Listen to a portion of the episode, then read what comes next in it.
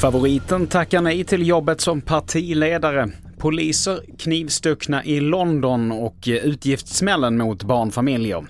Men vi börjar i Göteborg där det nu väckts åtal mot en 60-åring som skottskadade en kvinna på en spårvagn i augusti.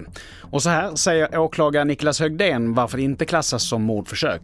Ja, det gjordes initialt eh, av mig och polisen en bedömning av att det här rör sig inte om ett eh, medvetet våldsbrott som är riktat mot eh, den här kvinnan som har blivit skjuten utan att det eh, rör sig om ett oaktsamhetsbrott, ett vållandebrott.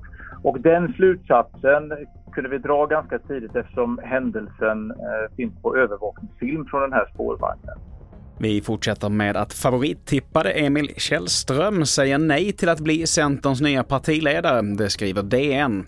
Källström, som är Centerns för detta ekonomisk-politiska talesperson, säger att han nyligen tillträtt som VD på ett grönt kemibolag och att läget helt enkelt inte är rätt.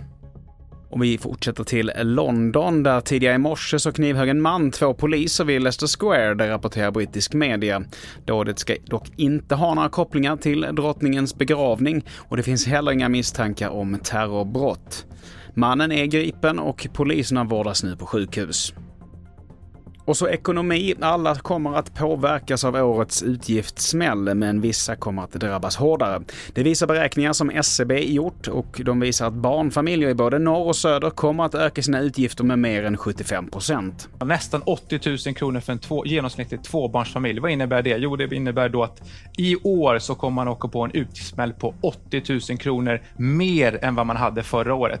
Och då ska man ställa det till relation, är det här mycket eller lite? Ja, det här innebär då att Gick man in i det här året med förra årets budget, ja, men då tog de pengarna slut direkt efter midsommar. Så mm. just nu lever en genomsnittlig tvåbarnsfamilj på egentligen sparade pengar eller ändrat konsumtionsbeteende och så ser vi ungefär samma sak för pensionärer. Och i inslaget så hörde vi SCBs e ekonom Americo Fernandes. Fler nyheter hittar du på tv4.se. Jag heter Mattias Nordgren.